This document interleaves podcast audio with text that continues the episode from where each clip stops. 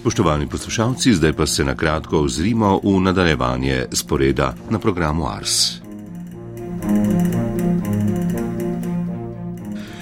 Čeprav je polski skladatelj Mješislav Weinberg preživel dve diktaturi, se ni videl kot žrtev in je bil ponosen na to, da so številne njegove skladbe izvajali tudi zvezdniški ruski izvajalci.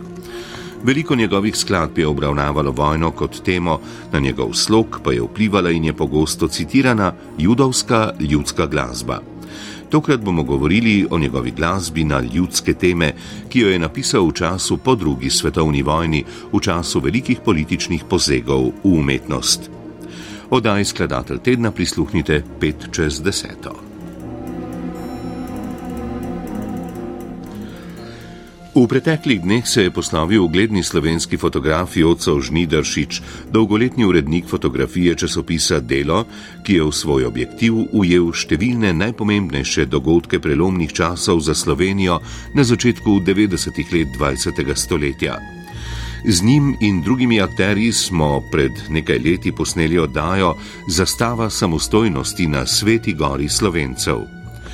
V pripravah na slovesno razglasitev samostojnosti je pri osrednjem časniku Delo vzniknila pobuda, da bi na Triglavu razvili slovensko trobojnico, pri čemer je sodeloval prav Jocov Žnidaršič.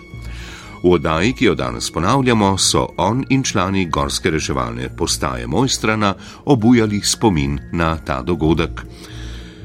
Oddaja Kdo smo bo na sporedu ob 13 in 5 minut. Odgovorna urednica tretjega programa je Ingrid Kovač Brus, glasbo za to jutro je izbrala Tina Ogrin, z vami na programu pa sva Grega Žumar in Jure Franko. Vabljeni v našo družbo,